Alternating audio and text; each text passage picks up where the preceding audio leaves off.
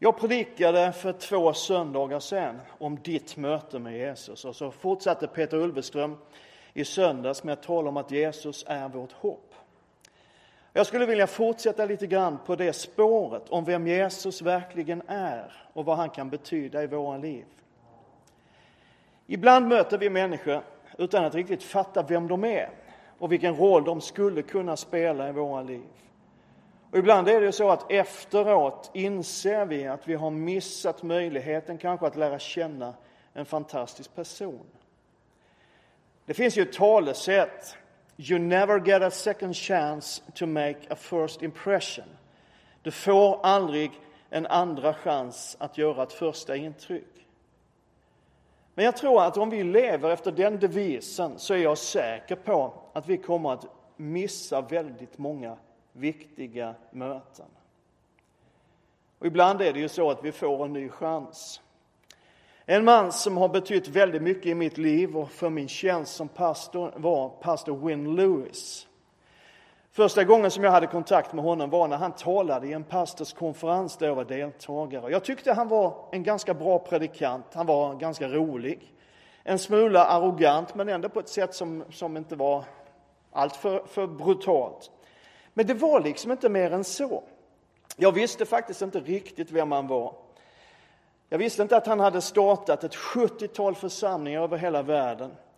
Jag visste inte heller riktigt att han som pastor i Kensington Temple i London var med och förändrade och, och byggde så att församlingen under hans tid som föreståndare växte från 500 till nästan 7000. Jag hade ingen aning. Men flera år senare så träffade jag Win Lewis på riktigt och vi fick chansen att sitta ner och prata och lära känna varandra. Och det slutade med att pastor Win blev min mentor, min gode vän och hade en viktig roll i mitt liv ända fram till sin död år 2009.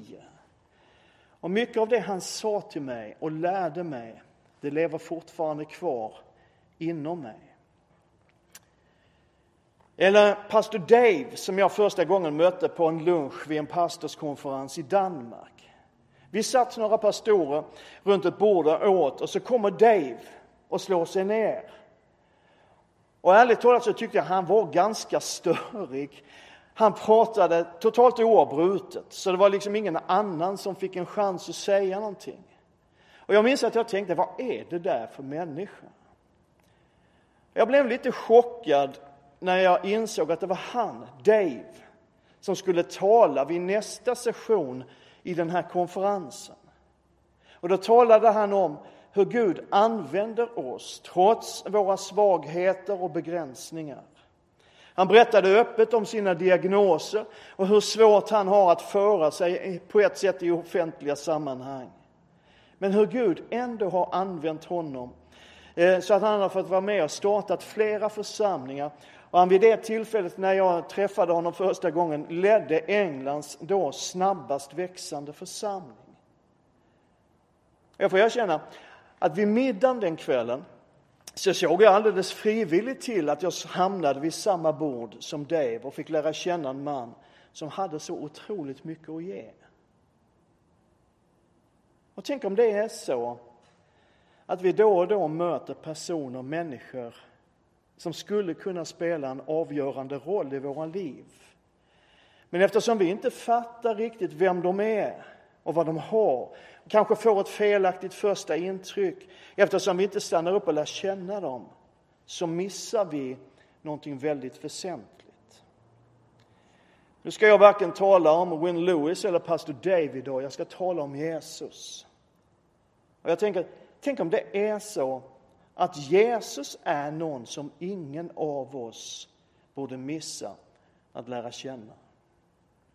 För när jag läser evangelierna om vad Jesus sa och det han gjorde så inser i alla fall jag att Jesus är en person som jag inte vill missa.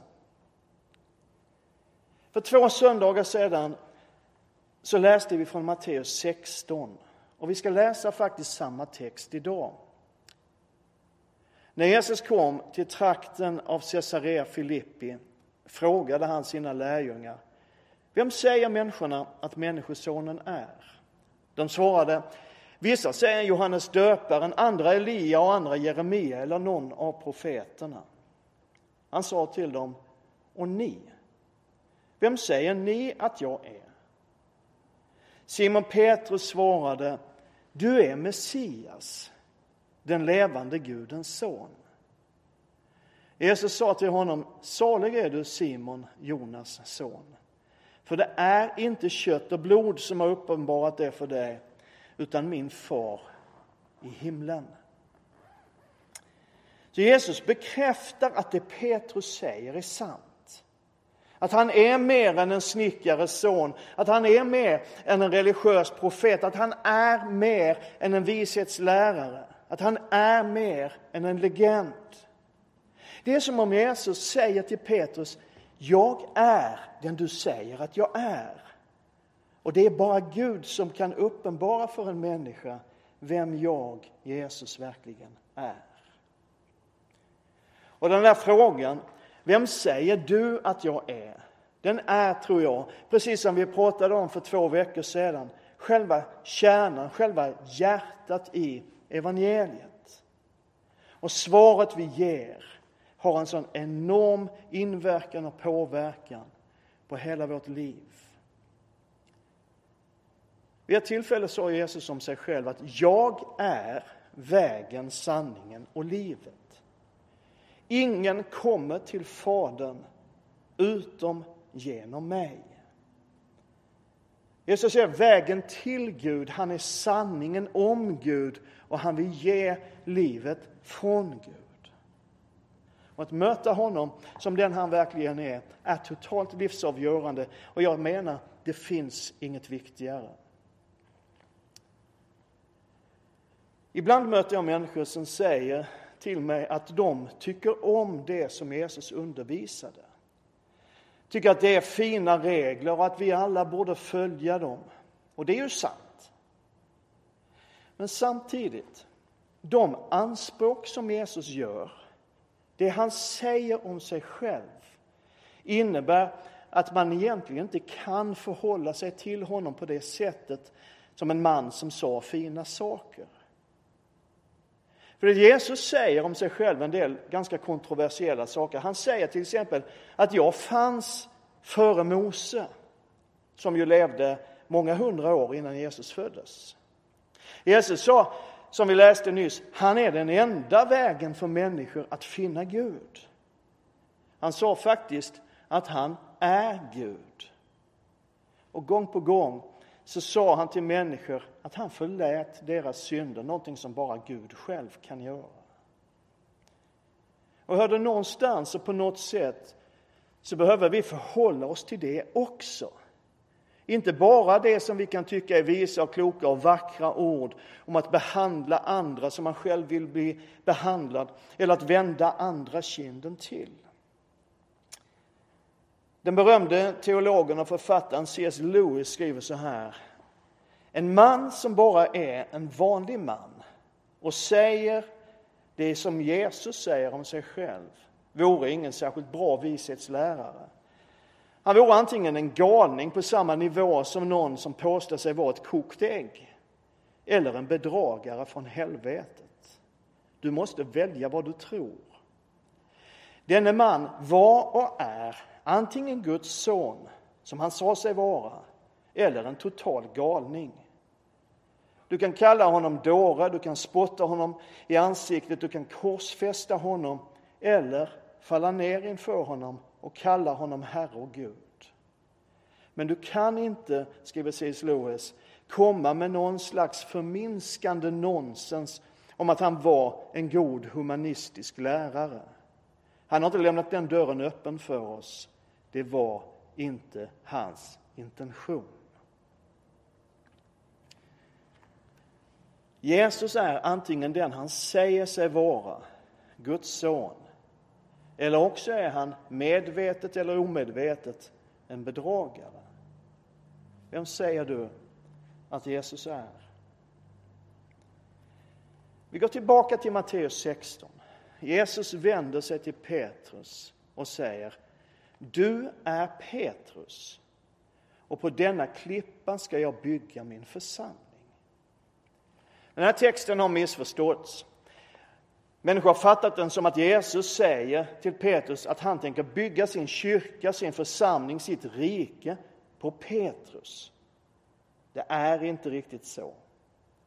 Ordet Petrus betyder en liten klippa eller en flis av en klippa medan det Jesus talar om att han ska bygga sin församling på är Petra, klippan. På den byggs församlingen och på den byggs ett kristet liv. Han säger till Petrus, du är en liten del av en klippa, du är en flisa, men på klippan, den sanna, stora, fasta klippan, kommer jag att bygga min församling, mitt rike. Vad är den här klippan då? Jo, den är precis det som Petrus upplevde och som Jesus bekräftar. Uppenbarelsen, hjärtats insikt om vem Jesus är. Och det är ju ganska skönt, tycker jag i alla fall, att församlingen inte byggs på Petrus eller någon annan människa, att Guds rike inte vilar på någon människa. Det behövs liksom inte. Paulus skriver i första Korintierbrevets tredje kapitel att ingen kan lägga, eller behöver lägga, en annan grund än den som är lagd, Jesus Kristus.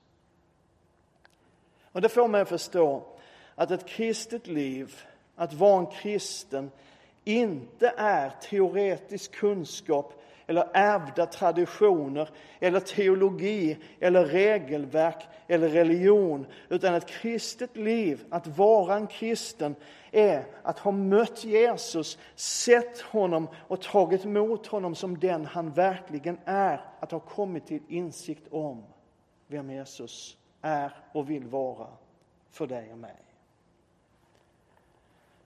Och kunna säga som Petrus sa, du är Messias, den levande Gudens son. Du är Gud, du är vägen, du är sanningen och du är livet. För Bibeln säger att Jesus är Gud som blev människa för att visa oss vem Gud verkligen är. Johannes skriver att ingen har någonsin sett Gud, men den enfödda, alltså Jesus som själv är Gud och i Faderns famn, han har gjort honom känd. Eller som det stod i den äldre svenska översättningen, har uppenbarat honom för oss. Så om du vill veta, min vän, hur Gud är, lär känna Jesus. Läs om honom och be till honom och sök honom av hela ditt hjärta. För Jesus visar med all tydlighet att Gud inte i första hand, eller ens i andra hand, är lagar och regler och förbud, utan att Gud är kärlek och värme och barmhärtighet och godhet. Att han vill oss väl, att han är för oss och inte mot oss. Och att Guds längtan är att få ha gemenskap med oss.